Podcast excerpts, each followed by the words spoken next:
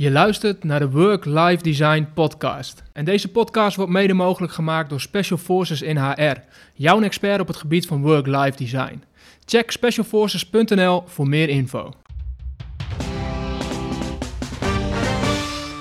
Sebastian, welkom in de podcast. en ik heb net gehoord dat ik je ook Sebas mag noemen. Ja, dank je Geert. Mooi. Ja. Hey, ehm, ja, hartelijk welkom.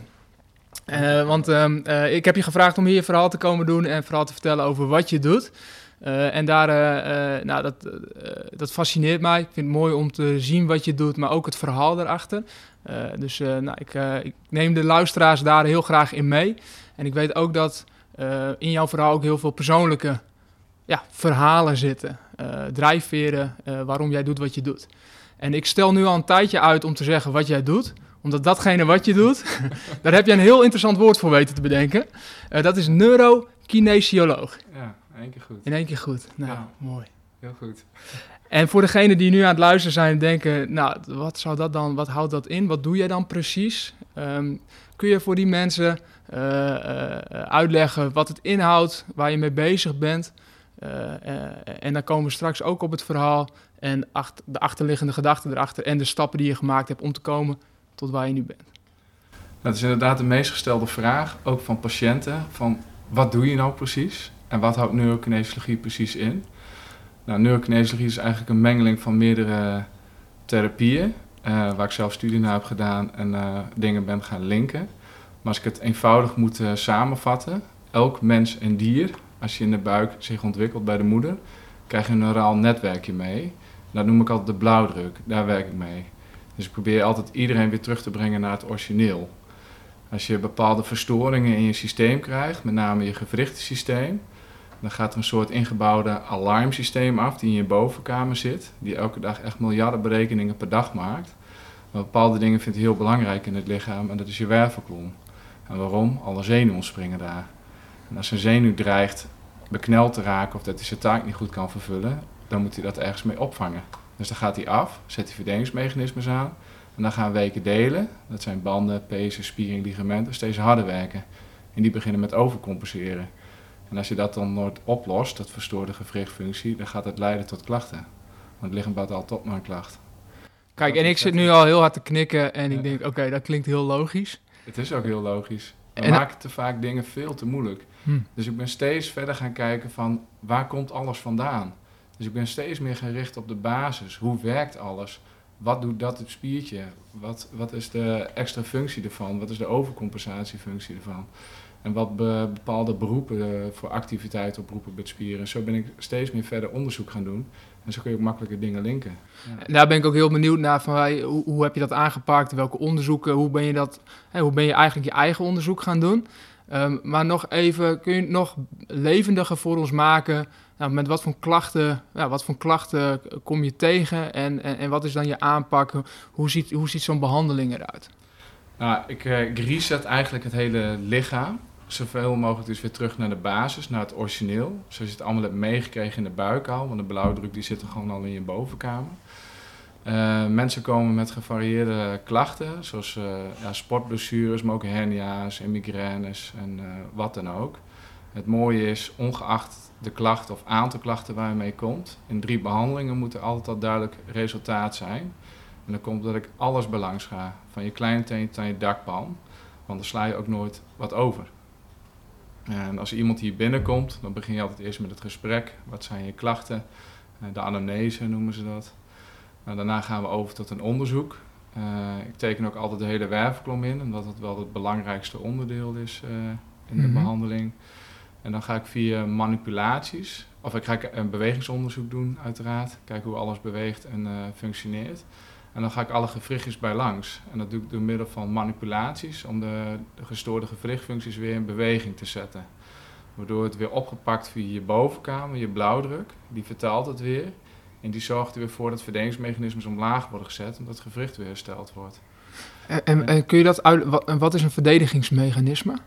Eh, dat je lichaam dus eh, eh, weken delen eromheen, zoals banden, pezen of spieren, ligamenten, extra taken gaat geven om de tekortkoming van het gewricht op te vangen. Want het lichaam is altijd gericht op leven. Het, le- het lichaam is een levend organisme. Dat probeer ik mensen ook altijd duidelijk te maken. Want we denken altijd dat alles hier gebeurt en dat prefrontale kwapje van ons. In ons hoofd, vanuit Ja, ons hoofd wordt ja, dat geregeld. is minder dan 4%. 96% gebeurt onbewust. En evolutie is leven. En het lichaam heeft altijd willen leven. Dus daar heeft hij allemaal mechanismes voor bedacht om dat te kunnen doen. En dat wil het ook zo lang mogelijk voor je kunnen doen, want het lichaam wil leven. Hm.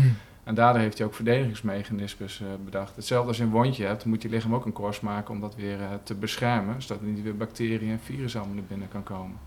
Zo doet je lichaam dat ook bij de werfklom, dat het knetter belangrijk is, omdat al die zenuwen daar ontspringen. En hij wil niet dat een zenuw in verdring raakt. Dus daarom gaat hij ook altijd prioriteit kiezen. En of die spier nou wat zwakker is of niet, dat maakt niet uit. Hij moet toch harder werken en zorgen dat het lichaam in een bepaalde bocht wordt getrokken, zodat die zenuw zo vrij mogelijk eh, blijft en dat hij gewoon zijn taken zo lang mogelijk kan uitvoeren. En jij zegt drie sessies. Dat is dus eh, eh, het behandelplan bestaat. Ja, je bent nog niet klaar hoor, maar in drie behandelingen moet je wel altijd al duidelijk een resultaat merken. Oké. En wat zijn, wat. zijn resultaten dan die, je- die je dan kunt merken? Ehm, minder klachten, zeker in de tussenperiode. Meestal, eh, want je hebt een paar weken tussen de behandeling eh, zitten. En als het steeds beter gaat, dan ga je al naar maanden. Dus ik zie mensen niet zo vaak, dat is ook de bedoeling. Maar eh, wat mensen dus zelf vernemen is dat hun bewegingsapparaat veel beter werkt, dat je meer energie krijgt en dat de klachten allemaal afnemen. Ja, enzovoort.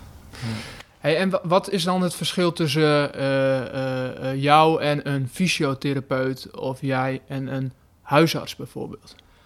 Nou, een huisarts, je hebt hele goede huisartsen natuurlijk, maar een huisarts is meer een, ja, ik zeg wel eens, ze zijn heel breed georiënteerd, maar ze zijn niet ergens een specialist in. Maar dat leren ze ook niet met hun opleiding. Zij krijgen gewoon andere dingen te leren. En met fysiotherapie leer je ook wel het een en ander over de spieren, maar niet heel veel, hoe, eh, eh, ja, weinig over neurologie. Daar moet je dan eh, meer in specialiseren. En heb je die werelden eigenlijk bij elkaar gebracht? Kan ik het een beetje zo zien? Dat je de Ja, fysiotherapie en de werelden. ne- Ja, neurologie bij elkaar brengt? ja, waar mijn passie mij brengt. Daar, ja, ik denk altijd in, want je hoort altijd vaak over problemen, maar ik denk altijd, er is altijd ergens een oplossing voor. Maar de kunst is altijd het zoeken naar. Hmm. Dat duurt altijd even. En ik ben niet snel, eh, ik was niet snel bevredigd. na, de, na de opleiding fysiotherapie had ik eigenlijk meer vragen dan antwoorden. Want een klacht is een uitingplek. Hè? Het ligt meestal de oorzaak niet. En als je de oorzaken niet opspoort, blijft die klacht altijd weer terugkomen. Mhm. Of wordt die steeds hardnekkiger. Maar de zorg is zo ingedeeld dat je per klacht eh, betaald krijgt. Dus dat klopt ook niet. Dus ik vind ook dat dat anders moet. Daar kan ik ook uren over praten, maar dat moeten we maar een andere keer doen. Nee, maar dat, het, het zegt wel iets over hoe jij denkt en hoe, jij, hoe je daarnaar kijkt. Dus, Ja. dus je ziet eigenlijk ergens het systeem werkt Ja. niet zoals jij graag zou willen. Want we zijn symptomen aan het bestrijden in plaats Ja. van dat we naar de bron gaan. Ja, het goede is dat we toen ook die DTF hebben gekregen, die directe toegankelijkheid eh, fysiotherapie. Want dat kwam al heel vaak voor in mijn stageperiode. Ze had natuurlijk in een particuliere praktijk eh, stage liep, dat een huisarts eh, stuurt iemand door met een diagnosecode. En dan doe ik mijn onderzoek en dan klopt die, klopt die code niet van die huisarts. Dus daar gaat er iets fout. Mhm. Maar als de zorgverzekeraar weer... eh, of als de patiënt het vergoed wil krijgen, moest je wel de diagnosecode aanhouden van de huisarts. Ja, dat is al krom. Ja, dus dat dat bracht jou eigenlijk al, Ja. en, en dat, dat, dat, dat zullen mogelijk meerdere mensen eh, herkennen. Ja, Ehm, maar jij had ook zoiets van, ja, daar wil ik ook, ik wil daardoor ook een andere kant op. ja, ja. ja het moet anders kunnen. Hmm. Ja. En dan bots ik tegen dat bestaande systeem aan waar ik me niet eh, in, kan, helemaal in kan vinden. Hmm. Ja. Het is wel heel belangrijk, maar het kan allemaal eh, veel efficiënter. Ja. En je hebt wel stappen gemaakt in dat bestaande systeem. Daar heb je ervaring, eh die eerste ervaring mee opgedaan. Ja. Ehm, kun je ons daarin wat in meenemen? Welke stap heb je in je carrière gezet? Maar ook daarvoor, hè, welke, welke, welke opleiding heeft jou gebracht tot, eh, ja, tot dit punt? Nou, ik ben begonnen met fysiotherapie. Eh, toen ik dat dus afgerond had, dacht ik van ja, en nu? Toen heb ik nog een tijdje in het ziekenhuis eh, kunnen werken. Eh, dat vond ik heel interessant, want het is medisch. En dat was meer evidence-based, dus daar kon ik wat mee, want ik zocht vastigheid. Ja. Maar ik dacht, ik, ik moet hier iets mee, want ik heb nu die studie gedaan, maar wat kan ik nog meer? Eh, Wat, wat bracht je sowieso in die studie? Was het sowieso al het menselijk lichaam wat je altijd heeft getrokken en aan heeft gesproken? Ja, ik heb altijd een fascinatie gehad voor het menselijk lichaam. ja. Dat is eh, nou, eigenlijk van jongs af aan is het al een beetje begonnen. Eh, vroeger toen ik jonger was, heb ik wat, of wat, best wel wat tics gehad en allerlei dwangneuroses. En daar werd ik soms echt ja, helemaal gek van. Dat je wel eens als klein jongetje dacht van, nou voor mij hoeft het allemaal niet meer. Echt, dus dat had een grote impact toen op jouw jeugd ook. Ja. Het ongecontroleerd ja. tics en, eh, en, en bewegingen En maken. Heel veel schaamte. Hmm. En schaamte is heel belemmerend, want je durft het ook niet eh, te zeggen tegen anderen, maar iedereen die ziet het wel. Dus dan trek je ook wat terug in je schulp. Hmm. Eh, als kind ging ik zelfs al eens mediteren, maar toen wist ik nog niet dat het mediteren heette. Maar toen probeerde ik gewoon stil te zitten en dan kijken of ik mijn hoofd gewoon stil kon krijgen. Dat ik die stemmen gewoon eh, uit kon krijgen. Want het waren echt stemmen die je hoorde in je, in, in je hoofd. ja, allemaal rituelen wat ik eh, moest doen. Oh, de ja. zo vaak aanpakken. ach ja, echt... en heb je toen... en en, en ehm, wat Ja, ik zijn... ben gaan sporten. Oké. Ik moet eh, afleiding hebben, andere dingen. Dus ik ben eh, ook gaan sporten. En sporten ging mij ook altijd wel goed af. Dus eh, motorisch was ik, wel, was ik wel lekker. En dat hielp ook gewoon heel goed. Maar ik ben eigenlijk altijd al toen getriggerd gewoon geweest door het menselijk lichaam. En als ik blessures had, wou ik ook altijd weten waar komt dat dan vandaan. En ik wou weten waarom mijn bovenkamer zo was. En ik heb een lichte vorm van dyslexie. Maar dat is uiteindelijk gebleken eh, toen ik fysiotherapie ging studeren, dat een psycholoog dacht van ik ga jou eens onderzoeken. Eh, kwam er dus achter dat ik een beelddenker was. En daar Hmm. hoort ook een vorm van dyslexie bij. Dus mijn gedachtegang gaat iets anders. Maar heel veel mensen hebben dat. En ieder brein werkt net iets anders. Het is geen eh, afwijking, het werkt gewoon net iets anders. Maar voor mijn werk is het wel heel handig, want ik zie alles in plaatjes. Dus ik zie ook hoe alles en waar alles loopt. Dus als ik een klacht ook zie, dan kan ik het allemaal inbeelden. En dan weet ik eh, hoe het allemaal loopt. Ik kan het voor me zien. Dus dat ja, zeker is ook een voordeel. Ja. Maar En het klinkt ook alsof je al heel bewust van jezelf was. Maar ook heel bewust bezig was met... eh, ja, waar loop ik eigenlijk tegenaan en, hoe- en hoe Ja. kan ik dat oplossen? Hoe kan ik daarmee omgaan? Ja. ja, altijd. Ja. Want wat was het, eh, het, het reguliere circuit waar je eigenlijk in terecht kwam... Met, eh, met de vragen die je had, destijds ook als kind? Eh, nou, als kind heb ik het allemaal veel zelf gewoon gedaan. Dus ook gewoon geen vraag stellen anders. Maar dat is ook veel meer uit schaamte. Gek genoeg. Ja, of gek genoeg. Hmm. Ja. En thuis was de situatie ook niet altijd even makkelijk dat je, of ruimte dat je daar ook over kon praten en zo. Eh, wat ik nu achteraf kan zien, dat wel gezorgd heeft dat ik een bepaalde drijf in het eh, leven heb gekregen. Eh, ook wat een bewijsdrang om te laten zien dat ik dus wel tot bepaalde dingen in staat was. Hmm. Dus de kortkoming van thuis ging je dan overcompenseren. Eh is ook een heel proces geweest.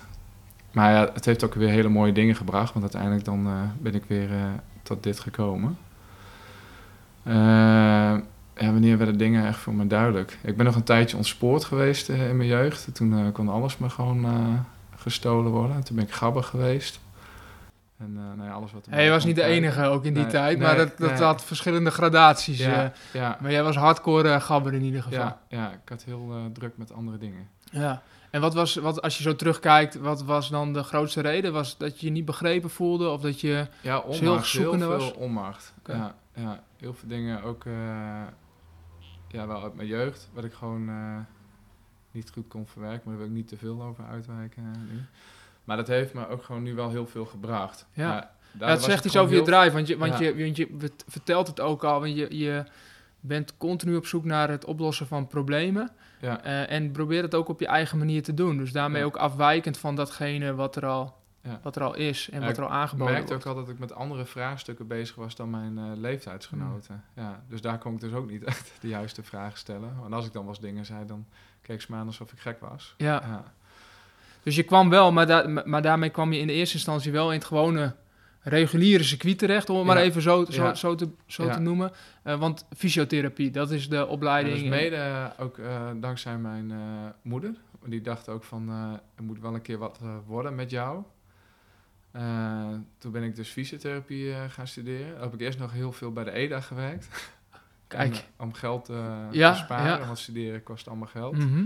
En ik werkte er ook minimaal 20 uur daarnaast om alles gewoon te kunnen bekostigen. Zo, dat was, een, eh, dat was hard werken, dus die periode, naast, de naast de opleiding. Ja, ja. maar ik heb ook heel veel eh, leuke dingen gedaan. Hoor. Die eerste jaar heb ik gewoon heel serieus mijn best gedaan. Om eh, te zorgen te laten zien, ook aan iedereen, dat ik het gewoon eh, allemaal kan. Dat Mm. ik dus wel wat in mijn mars had. Ja.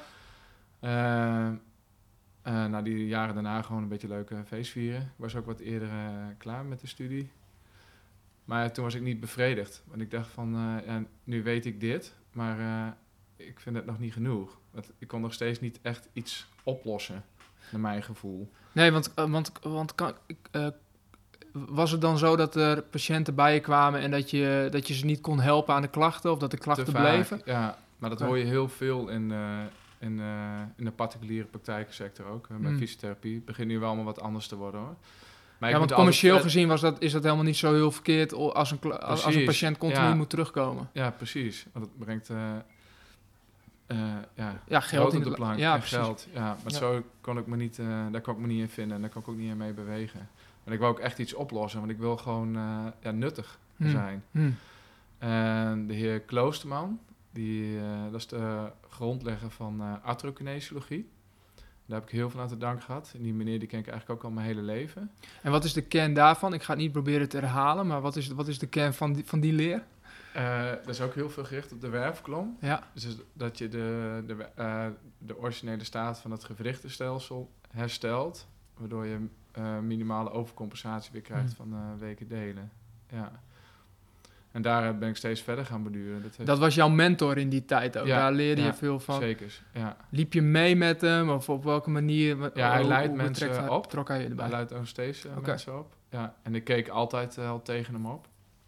Ik ben zelf ook bij hem eh, onder behandeling eh, Hmm. geweest. Hij heeft me ook gewoon goed geholpen. En ik wist dat dat gewoon eh, hielp. Dus dat was wel heel fijn dat ik bij hem in de leer kon. Ja. En, Hoe lang is die periode geweest ongeveer dat je daar mee bezig was? Poeh. Eh, vanaf fysiotherapie tot... Ja, dat je vooral in dat stuk aan het verdiepen was. ja, nog steeds. Hm. Ja, ik ben nog steeds niet klaar. Hm. Het is even wat rustiger geweest qua verdieping totdat ik eh, dus eh, ziek werd. Met eh, de ziekte van Lyme. En dat noem ik nou ook mijn transformatieziekte. Want toen ben ik weer heel anders naar het lichaam gaan kijken, maar ook naar de mens zelf. En ook eigenlijk weer meer richting de natuur. Wel- welk jaar was dat? Hoe lang is dat geleden? Eh, 2013, Oké. ja. Dus zes jaar geleden kreeg je de ziekte van Lyme. Ja, Waar uitte zich dat in? Welke klachten kreeg je daardoor? Ik kreeg eh, eerst wat spierpijn in mijn rechter achterbeen. En toen kreeg ik steeds meer eh, zenuwpijn in mijn rechterbeen. En die kon ik steeds moeilijker gebruiken. En toen ook mijn linkerbeen. Toen kon ik ook steeds moeilijker lopen. Eh, nou, ik had ook zo'n kring op mijn reet. Dus het was ook wel duidelijk dat ik besmet was. Ja. Maar ik wou er niet aan toegeven. Dus ik banjerde altijd nog steeds door. Toen kreeg ik nog een take. En toen kreeg ik nog een brede infectie eroverheen. En toen, eh, ja, toen kon ik niks meer. Toen moest ik eh, om de twee uur gewoon eh, plat. Gewoon vermoeidheid, gewoon energielevel nul. Ja, ik kan niks meer. Ik kan niet meer denken. Je hebt alleen maar wolken in je hoofd. En spraak was op een gegeven moment ook moeilijk. Zo. Ja, een antibiotica hielp niet. En toen dacht ik van, ja, we zijn uiteindelijk ook nog een product van de natuur. Hm. Dus ben ik het op een natuurlijke manier gaan zoeken. En toen ben ik bij een natuurgenezer terechtgekomen, is een mesoloog. En die meet je helemaal uit. En dan eh, kijken welke voedingsstof je moet vermijden en welke je wel moet eh, gebruiken. Dus je krijgt een hele simpele aanpassing aan je dieet. Want het zijn bouwstoffen. Hè. Je, Hmm. je lichaam is één groot systeem met allerlei subsystemen. Dus Hmm. mini-fabriekjes. En de mini-fabriekjes werken het beste met de juiste bouwstof. Dat is ook zo logisch als ik weet niet wat. En wat plantextracten erbij. En eh, na drie dagen ik nog wel dat mijn bovenkamer al een stuk helderder was. En eh, richting acht maanden kon ik weer gewoon normaal eh, lopen. In de tussentijd heb ik ook nog wel gewerkt. In het begin niet, maar daarna wel om mijn kop ook rustig te krijgen. Anders voelde ik me helemaal eh, waardeloos. En je hebt ook- echt een tijd gehad dat je niet kon lopen. Dat dat, dat, dat gewoon geen, eh, Ja, heel moeilijk. geen mogelijkheid Ja, het was. duurde heel lang om uit bed te komen. Het is allemaal eh, heel stram. Ja. En als ik ging werken, dat wou ik ook niet tegen iedereen vertellen natuurlijk wat ik had. Dus zei ik gewoon dat ik erg spierpijn had. Hm. Want ik sportte ook gewoon altijd veel. Maar ook gewoon uit schaamte, gek genoeg. Maar Hmm. ook niet dat je hele tijd iedereen het verhaal wil vertellen. Want je, de patiënt komt voor jou en je wil niet... eh, eh, het moet niet andersom eh, zijn natuurlijk. Hm. Maar toen ben ik Maar Ja. wat, wat zegt de dokter dan? Want ik kan me voorstellen dat je dan ook... ziekenhuis. Het ja, zieken- ja, maar dat wou ik niet. Ik dacht, ik, ga, ik word alleen maar zieker. Ik dacht, ik ga het gewoon anders doen. Hm. Ja. Het kan ook anders. Ja. Het moet ook anders kunnen. Ja, dat, maar Ja. dat weet je nu. Maar dat wist je toen op dat moment eigenlijk nog niet. Dus Ja, het was ook wel zoiets van... eh. Eigenlijk nam, nam je wel een gok. Ja, ja, ja eigenlijk vertrouw ik wel heel lang op... eh, eigenlijk elk geneesmiddel is ook begonnen uit een eerlijk product uit eh, de natuur. Maar we hebben het gewoon weer chemisch gemaakt. Ja, dus je gelooft heel erg in het zelfgenezend vermogen van het lichaam. Van de mens enorm, ja. En dat is een, iets wat we veel te weinig mee doen. Want op school leer je er echt geen kloot over. Mhm. Want je hebt je autonome zenuwstelsel, wat iedereen weet. En dan heb je je parasympathisch zenuwstelsel en je sympathisch zenuwstelsel. En iedereen leert die sympathicus heel goed te gebruiken, het activiteit, maar niet het rustzenuwstelsel. En wat is knetterbelangrijk? Dat elke prikkel in het activiteitssysteem ook verwerkt wordt in het rustsysteem. Hm. Ja. Dus met andere woorden, wat je eigenlijk zegt, we zijn heel erg eh, geconditioneerd om heel hard aan de slag te gaan en heel Enorm. druk te zijn. Ja, Eh, we, zijn, we hebben het minder geleerd en zijn minder geconditioneerd om diepe ontspanning te ervaren. precies. Op school moet je het eigenlijk al leren. Als je gaat sporten, is altijd sympathisch. Ja? Dat is ook heel goed en heel gezond. Hm. Maar als je goed vooruit wil komen, moet je goed rusten. Want de echte magie gebeurt altijd parasympathisch. Hm. Dat gedeelte moet er weer voor zorgen dat je lichaam die belasting de volgende keer weer aan kan. Daar moet je ook steeds meer over sport rusten. Ja. Want in jouw breintje, jouw oerbreintje, die kan het verschil niet merken tussen als jij sport of dat er een tijger aankomt. Maar die zet zijn lichaam gewoon op scherp. Maar die Hmm. denkt, er moet iets, er komt iets. Ja, En als je daarna gelijk doorbanjet naar je werk, dan denkt hij nog steeds, ik moet nog steeds op scherp staan. Dat is gewoon niet goed. Je moet eigenlijk je lichaam leren die switch te maken. Dus als je al een diepe rust neemt, dus gewoon tien keer diep in en uitademt, dan voelt dat oerbreintje al van, hé, hey, ik mag gewoon ontspannen. Klikt hij over naar het parasympathisch systeem, gaat gelijk al de prikkels verwerken. hm. Ja. Ja. Klinkt heel eh, Het is simpel. heel simpel, maar je moet het ook leren. Maar hetzelfde met mobiele telefoon. Die, die triggert het sympathisch zenuwstelsel gigantisch. Mhm. Dat is ook wetenschappelijk bewezen overal, maar je hoort er in de media heel weinig over. Maar in Frankrijk, hè, dat doen ze er wel wat mee. Komt Hmm. ook in de media, want ze willen denken van ja, al die burn-out is ook niet goed. Nee. En kinderen mogen pas op een 17 de telefoon meenemen naar school. En bazen mogen hun personeel niet appen buiten werktijden. Maar je voelt altijd dat je iets moet. Dus dat oerbreintje, of je stressklier, je amygdala, die denkt er elke keer van, er komt gevaar aan. Dus je zet elke keer je lichaam op scherp. Dus elke keer als je telefoon gaat op scherp, op scherp. Dat is niet gezond. Ja. En Nee, het en- onderdrukt altijd je herstelsysteem. Ja. Ja. Daar werk ik met mijn werk dus ook heel veel mee. Want mijn behandeling is wel pittig, wat ik doe met neurokinesiologie. Ik pak dus- Waarom? Omdat ik eh, bepaalde spierknopen en zenuwknopen, want ik pak echt alles aan van alle kanten, zodat je een zo snel mogelijk stel hebt, en zo goed mogelijk stel, en je moet alles weer terugbrengen naar de basis. Mhm. Maar dat gaat niet zonder slag of stoot, dus mensen ervaren hier ook wel eh, echt wel pijn. Maar als het ware ram ik het lichaam in het parasympathisch systeem.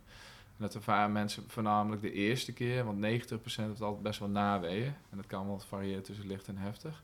Maar dat is het lichaam die zegt van, oké, laat me nu even eh, rusten. Want dan ga ik dingen herstellen wat er nu net eh, is gebeurd. Ja. En dat heb je- input. Dat, ja, en, en, en dat, dat breng je nu over op anderen, maar dat leer je ook voor jezelf, eh, eigenlijk op jezelf eerst toe te passen. Doordat je de ziekte van Lyme kreeg Ja, en eigenlijk merkte dat je weinig kon. ja, En dus op zoek ging naar, hey, waar komt dit vandaan? Hoe kan ik, wat is de oorsprong en hoe kan ik dat, hoe kan ik dat ja, eigenlijk verbeteren of genezen? ja. Kun je ons meenemen in dat stuk? Hoe heb, hoe heb je dat aangepakt? Maar wat kwam je ook vooral tegen en wat heb je, wat heb je gedaan? Wat, en wat kunnen misschien andere mensen met de ziekte van Lyme ook doen, eh, wat jij gedaan hebt? Eh, ziekte is stress. En stress, eh, en dus elke ziekte wil ook leven. Hè? Dus als het leven wil leven, het lichaam wil leven, maar een ziekte wil ook leven. Dus die zorgt er altijd voor dat je lichaam in een soort stresstoestand komt, zodat je immuunsysteem verzwakt wordt. Maar dan kan die lekker groeien en ontwikkelen. En dat weet ik ook dat de Borrelia-bacterie dat doet. Dus ik wist wel dat ik meer in het parasympathische systeem moest komen. Maar hoe ik het dan moest doen, dat, dat, eh, dat wist ik allemaal niet. Eh, toen eh, hoorde ik van de E. coli-bacterietest in het Radboud ziekenhuis. Dus met Wim Hof. En Wim Hof die ken ik al langer van het koude douchen. En dat deed ik ook heel lang. En onder leiding van professor Pickards. Ja, dus, dus een onderzoek gestart en zei van, nou kom maar Wim. Toen liet ze 20 mensen komen. 10 mensen door Wim getraind, 10 niet.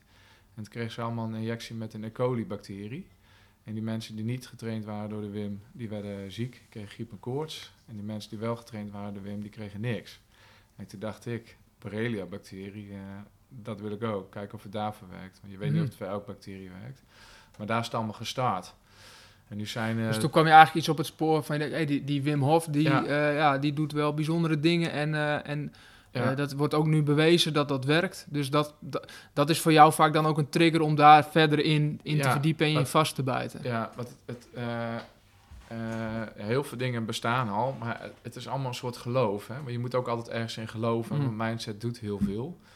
En wetenschap is ook een geloof. Maar voor heel veel mensen is dat een vastigheid. En nu worden dingen bewezen in de naam van de wetenschap. En dan bestaat het in één keer. Maar vroeger bestond het ook. Maar toen was het vage shit. Hmm. Maar als je nu de naam van de wetenschap achterhangt, denk je... Hé, hey, oh, wat verdorie. Het klopt wel. Ja, precies. Ja. Het is meer in onze taal. In onze westerse taal Ja. is dat, wordt dat meer begrepen Ja. en geaccepteerd. Maar ook vind ik dat fijn, want ik mag ook altijd dingen gewoon, eh, ik moet ook wat eh, vastigheid hebben. Ja, je wil het ook wel bewezen zien uiteindelijk. ja, ja, Dus vaak begint het met een bepaald geloof. Volgens mij begon Wim Hof ook met een bepaald ja, geloof en zijn eigen probleem volgens mij op te lossen. Door, door eh, heel veel in, in het koud water te gaan ja, zwemmen. Ja, En, eh, en ontdekte de kracht van, van, van kou. ja, ja. Iets trok hem altijd naar de kou toe. Hmm. Ja. Maar ik vind het ook fijn, dat, eh, want je voelt het zelf en je vaart ook zelf. Maar het is ook fijn als er daarnaast iets van vastigheid zit. Hmm. Maar als ik het zelf voelen is altijd begrijpen, zoals Wim het ook mooi zegt, maar dat, dat klopt ook. En mijn vriendin had toen eh, een, een workshop eh, geboekt bij Wim voor mij. En toen ben ik daar geweest en toen was ik helemaal lyrisch. Ik begon weer wat te voelen. Ja, was er gelijk een effect? Merkte je gelijk, iets? Ja, ja, de ademhalingsoefeningen, die Mhm. werkten echt heel goed. Want toen merkte ik dat ik meer tot rust kwam. Met, met ademhaling is echt een soort afstandsbediening eh, door je lichaam heen. En dan ga je ook spelen met stofjes. Dus automatisch ga je veel meer blije stofjes maken. Dus in één keer ben je weer eh, blij en optimistischer. Je kan weer eh, vrolijkere dingen denken. Dus dan weet je ook dat je weer beter in het herstelsysteem kan zakken, in het parasympathisch systeem. Hmm. En dat ijsbad, dat was eh, gelijk een eh, verslavend moment. Want toen was mijn eh, bovenkamer in één keer stil. Want ik heb wel een vrij drukke bovenkamer van mezelf, ook al van jongs af aan tot nu. En daarom vond ik sport ook heel fijn, om die bovenkamer dus altijd rustig te krijgen. Mhm. En toen kwam het in één keer in een ijsbad. Gewoon een ploep. Dat vond ik echt wel Een bijzondere ervaring. Ja. Kun je dat nog heel goed terughalen, ook die eerste heel keer? goed. Ja, ja, ja. ja, het is nooit meer zoals de eerste keer, maar Hmm. dat kan ik nog heel goed inbeelden en voelen. En Ja. wat deed dat toen ook met de, eh, de ziekte van Lyme en de klachten die je daarin ervaarde? Wat, wat, wat was het effect Ik daarop? kreeg toen gelijk eh, veel meer energie.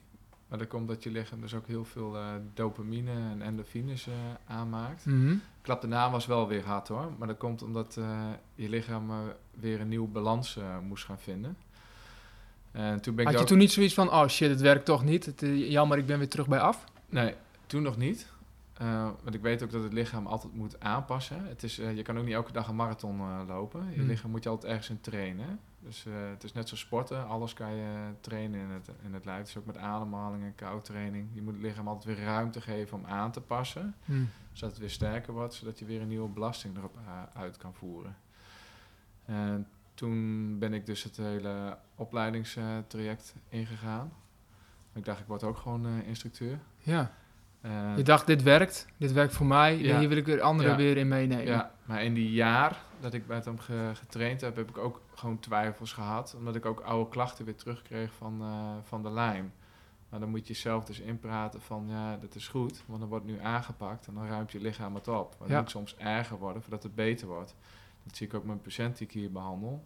Dat is soms, eh, dat is ook heel logisch. Van de andere kan je dat heel goed verklaren. Maar als je het voor het zelf voelt, Hmm. hè, heb je ook weer bepaalde gevoelens wat je erbij krijgt. Je bent zelf eh, Ja, zeker. En ik kan me dat goed voorstellen dat eh, eh, mensen sceptisch zijn mogelijk, Ja, kritisch. ja. En dat het, ehm, eh, eh, dat het ook moeilijk is als inderdaad als, als, als een effect niet altijd blijft en een resultaat niet gelijk geboekt wordt. Want we zijn denk ik ook heel erg van het snel resultaat. ja. Ehm, Ja. nou, hoe ga je daarmee om als, als, je, als, je, als, je, nou, als je patiënten of andere mensen heel, heel sceptisch en, eh, of kritisch zijn? Nou, ik vind dat wel mooi, want ik nodig iedereen uit. Iedereen mag ook bij mij altijd meekijken bij een eh, behandeling. Want dan kan je ze gewoon overtuigen. Maar iedereen maakt, eh, iedereen beoordeelt, ieder mens doet dat. Hm. Maar het is altijd wat je ermee doet. Ja. Je kan het gelijk uiten wat je voelt, of je kan er eerst achter komen of het klopt. Ook wat je voelt en denkt. En ik ben ook altijd eh, sceptisch in bepaalde dingen of alles wat nieuw is. Maar ik test alles eens uit op mezelf. En dan kan ik er ook een waardeoordeel over geven. Ja. Anders ben ik me wat aan het blaten. Wat, Ja. wat, wat zijn bijvoorbeeld vragen die jij echt jezelf ging stellen? eh, de sceptische vragen in dat jaar dat je, dat je eh, met Wim Hof aan het trainen was en eigenlijk zijn opleiding daarin volgde? Eh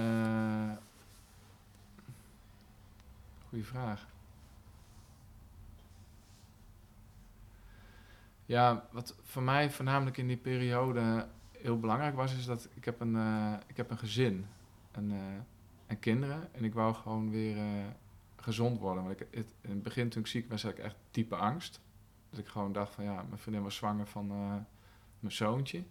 Ik dacht, als er als een baby erbij, moet ik met pensioen, kan ik niks meer. Dus ik wou heel graag ook een fitte vader zijn. Dat was je drijven ook. Dat was ook dat- Drive, ja. ja. Want je moet ook eh, een bepaalde drive hebben. En ik wou geen eh, blijvend patiënt zijn. Ik wil ook gewoon iets maken met mijn leven. Hm. En ik ging me ook steeds meer wel, ja, vragen stellen van... waarom heb ik lijm gekregen? En dan ga je je eigen leven op de loep nemen.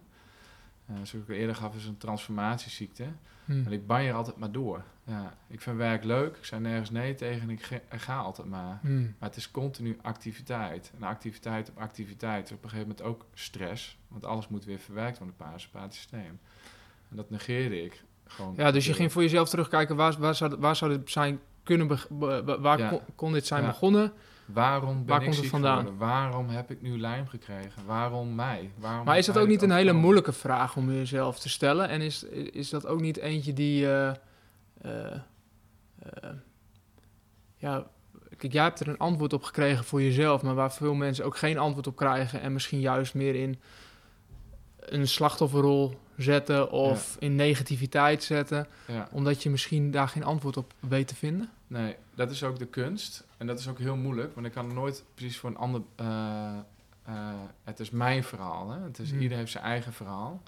Ik heb wel het geluk gehad dat de lijm niet jaren al in mijn systeem zat. Het is voor eh, ja, mensen die al 15 jaar ziek zijn of eh 20 jaar ziek zijn met lijm. Want ik heb vorig jaar ook een Lyme trial eh, gehouden. Dus ook mensen die 25 jaar ziek waren. Na twee maanden had de helft dus ook al baat bij. Maar het is voor hun heel anders. En zeker als, als je al 15 jaar ziek bent. En een- dat is dan je waarheid. Hmm. Dus dat, dat geloof je ook. Want je bent gewoon eh, een patiënt. Ja. En als je dan in één keer ook weer dingen kan. Dan is dat ook in één keer weer heel anders. Want daar wil je ook weer erkenning in krijgen. En Hmm. dan is het ook weer makkelijker om in die slachtofferrol eh, te hangen. Maar dat geldt niet alleen voor Lyme. Dat geldt ook voor andere klachten. Hm. Maar ik geloof ook heel sterk in de, de kracht van de geest. Want eh, psychosomatisch kan je dus heel veel doen. En iedereen kent al de negatieve kanten ervan. Maar het is natuurlijk, heb je daar ook de positieve kanten van. Je moet echt de juiste mindset hebben en gewoon je, je focus op iets houden van wat, wat goed is en waar je blij van voelt. En als je altijd maar in die negativiteit blijft hangen, is het ook stress voor je lichaam en werkt het stelsysteem ook altijd tegen. Mm. Dus ik moest ook positieve dingen gaan halen. Dus dat ik gewoon eh, vader wou zijn, ik wou weer fit zijn. Ik, nou, die doel de Kilimanjaro had ik. Ik dacht, ik wil gewoon eh, die, die fucking berg op. En als ik die berg op heb, dan, eh, dan ben ik genezen. Ja. Ja, want wat maakte dat dat zo'n sterk doel voor jou was? Omdat ik van sportman naar in één keer niks kon. Hm. Dus een beetje lopen, dan was je al uitgeput. Dat vond ik natuurlijk verschrikkelijk. En die Kilimanjaro was gewoon een uitdaging. En eh, Wim wou het in een hele rappe tempo doen. Ik denk, dan eh, gaan we dat gewoon doen. Kun je daar iets meer over vertellen? Want, want, want eh, ik, ik, ik, ik, eh, ik heb het verhaal gehoord van je. Ik, Ja. Een heel inspirerend verhaal is zeker omdat daar ook jouw drive heel erg naar voren komt. En ook eh, wat je bereid bent om te doen, om, om te leren en jezelf beter te leren kennen. Dus kon je, kun je ons daar eens in meenemen hoe die ervaring was en wat je daarvoor eh, nou ja, eh, hebt gedaan? Nou, we hadden, voordat we de Kilimanjaro opgingen, eh, hadden, we hebben maar vier contactdagen gehad. Maar je En wie is bij? Eh, een groep mensen. We zijn eh, met een groep mensen de Kilimanjaro opgegaan. Waarvan een hele kleine groep het binnen 30 uur hebben gehaald. En daar was ik dus ook één van. En wa- was, dat, was dit ook een groep met zieke mensen of was dit een groep... Nee, gewoon waren, mensen waren allemaal gezond. mhm. Ja, ja. Ik eh, was de enige met lijm. Ja. ja. Maar je leert dus ademhalingstechnieken. En als je dat al twee maanden, drie maanden consequent doet, dus dan moet je eigenlijk al een marathon kunnen lopen op een uh, rustige tempo.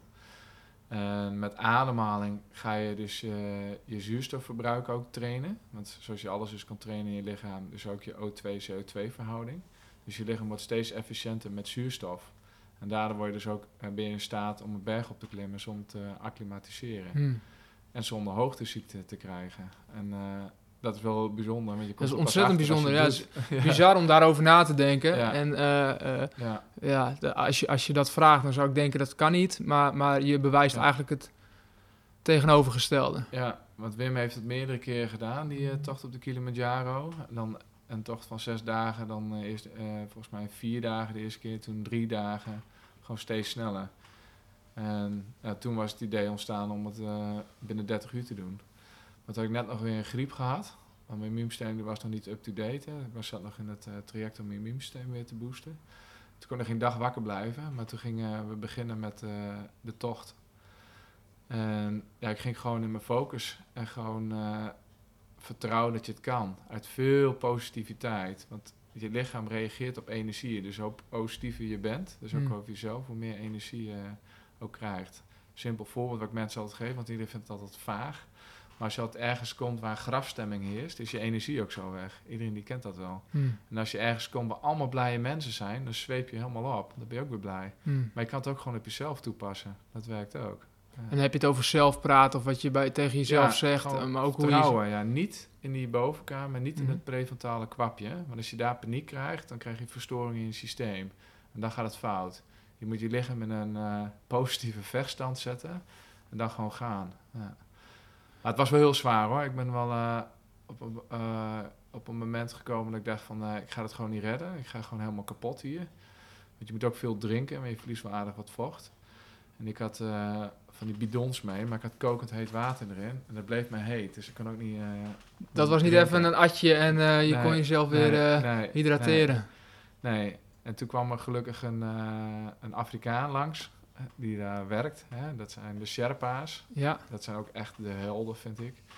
Maar die had koud water mee en die mengde mijn uh, flessen. En toen kon ik drinken. En toen heb ik me herpakt. Want ik dacht, uh, ja, verdomme, ik wil ook dat mijn kinderen trots op me zijn. En ik wil gewoon uh, van mijn lijm af. Ik wil naar die top. En toen heeft die Sherpa me meegenomen. En de hele tijd zegt hij, polle, polle. Dat is rustig, rustig. En dan met kleine stapjes, steeds verder, steeds verder. Totdat je bij de top kwam. Maar ook alleen maar slecht weer. Dus dat maakt het ook allemaal moeilijker. Ongelooflijk. Ja, en toen uh, kwam ik aan uh, ja, boven binnen 30 uur. En toen moest ik uh, janken. En dat is ook heel lastig, janken op zo'n ja, dat tekort. Ja, Met, ja, ja, precies. Ja. En wat is, dan, wat is dan nu, als je nu daarop terugkijkt en, en, ik, en ik, ik zie je ook teruggaan in je hoofd naar dat moment. Um, wat is hetgene wat het je heeft opgeleverd? Wat haal je daar echt uit, uh, uit, uit die ervaring waar je tot op de dag van vandaag nog profijt van hebt? ik ben veel zachter geworden als mens. Ook uh, meer eh, voor mezelf, ook zachter.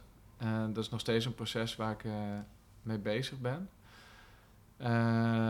en je blijft jezelf ontwikkelen. Maar ik kom steeds meer achter wat voor conditioneringen we allemaal hebben. En daar wil ik gewoon uh, van af. Alles wat negatief is, wil ik gewoon zien om te buigen. Hm. Want alles wat je in je harde schrijven op opgeslagen, moet je ook anders kunnen herprogrammeren. Dat is ook wat we met shocktherapie doen enzovoort. Dus daar ben ik veel meer mee bezig. En veel bewuster. Dus ik ben hmm. ook veel meer, probeer veel meer in het hier en nu te zijn. Dus veel bewuster alles mee te maken. Uh, met mijn kinderen, de dingen die ik doe. dat het niet meer allemaal gehaast gaat. Niet dat moet, moet, moet. dan zit je heel snel in de stress. En dat trek je altijd uit jezelf. Maar ik probeer nu vaker ook weer in mezelf te komen. Zodat echt dat je bij jezelf vraagt van wat voel ik nu en wat wil ik nu eh, precies. Ja, mooi. En nu zijn er veel mensen die uh, aan het luisteren zijn denken, wow ja, inderdaad, dat uh, zou ik ook wel willen. Wat zijn praktische dingen die je diegene mee zou willen geven? Want er zijn natuurlijk ontzettend veel drukke professionals. We zijn allemaal druk met ons leven en allemaal kinderen, gezinnen, werk vraagt aandacht, alles vraagt aandacht, telefoon vraagt aandacht. Ja. Wat, zijn, wat zijn een paar praktische dingen van je zegt dat zou, je, dat zou iedereen kunnen toepassen en daarmee zorg je in ieder geval voor dat je meer in die diepe ontspanning komt? Wat heel simpel is, is al gewoon, als je pauze hebt, doe je gewoon je telefoon uit. Ja, dat je daar niet door laat eh, afleiden. En naar buiten gaan, als je in staat bent om ergens te wandelen waar heel veel ruimte is. Want ruimte geeft altijd automatisch al rust. Dat kun je gewoon zien in de hersengolf en uh, bloedanalyse. Zie je zelfs wat voor stofjes je aanmaakt. Want de mens houdt van ruimte en rust. Dus dat kan je altijd doen, maar dan zak je ook altijd in het herstelsysteem. Uh, af en toe, als je iets uh, stressvols hebt meegemaakt of je hebt heel lang moeten blokken of een lange intense vergadering hebt gehad, ga dan ook terug naar je plek en dan ga dan even zitten en ga een paar keer diep in en uitademen. Doe gewoon je ogen dicht. Dan trek je ook automatisch weer terug in je lichaam, in je parasympathisch systeem.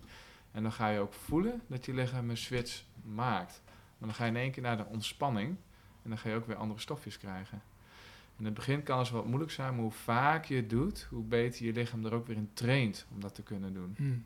Ja, dat En dat- allemaal al. Dat trainen, dat doe je ook met, eh, met, eh, met mensen. De- je, hebt, je hebt ook een workshop, ontstressen. Ja, eh, Waarin je ook de, de, de methode die je van Wim Hof hebt geleerd ook weer overbrengt. ja, En ik weet dat, ik praat daarover, want ik, ik, ik ben daarbij aanwezig geweest, heb hem mogen ervaren. En daarin gaf je ook aan, het gaat om ademhalen, mindset ja, en koude training. ja. En focus. En focus. Ja. Ja. yoga werkt altijd heel goed. Eh, ik vind het zelf altijd. eh, ik zit ook op yoga en ik doe zelf ook altijd wat oefeningen. Maar ik probeer zelf wel wat eh, acrobatische oefeningen te doen. Omdat je dan veel meer in je focus wordt getrokken en in je mindset. En veel meer controle leert krijgen over je, over je lichaam. Hmm. En ik vind het altijd fijn om te zien wat mijn lichaam allemaal kan. Ja. Mooi. Maar de ademhaling, dat is echt, het is te simpel voor woorden. Eh, op internet kan je ook wel de basis eh, ademhaling vinden van de Wim Hof methode. En dat werkt echt voor iedereen. Als je het gewoon gaat doen, maar je moet het eerst doen, voordat je lichaam het ook kan doen. Dan zul je altijd merken dat je in de rust eh, komt. Ja. Maar tijdens je werk heb je niet altijd de tijd om gewoon eh 30 keer te gaan zitten puffen.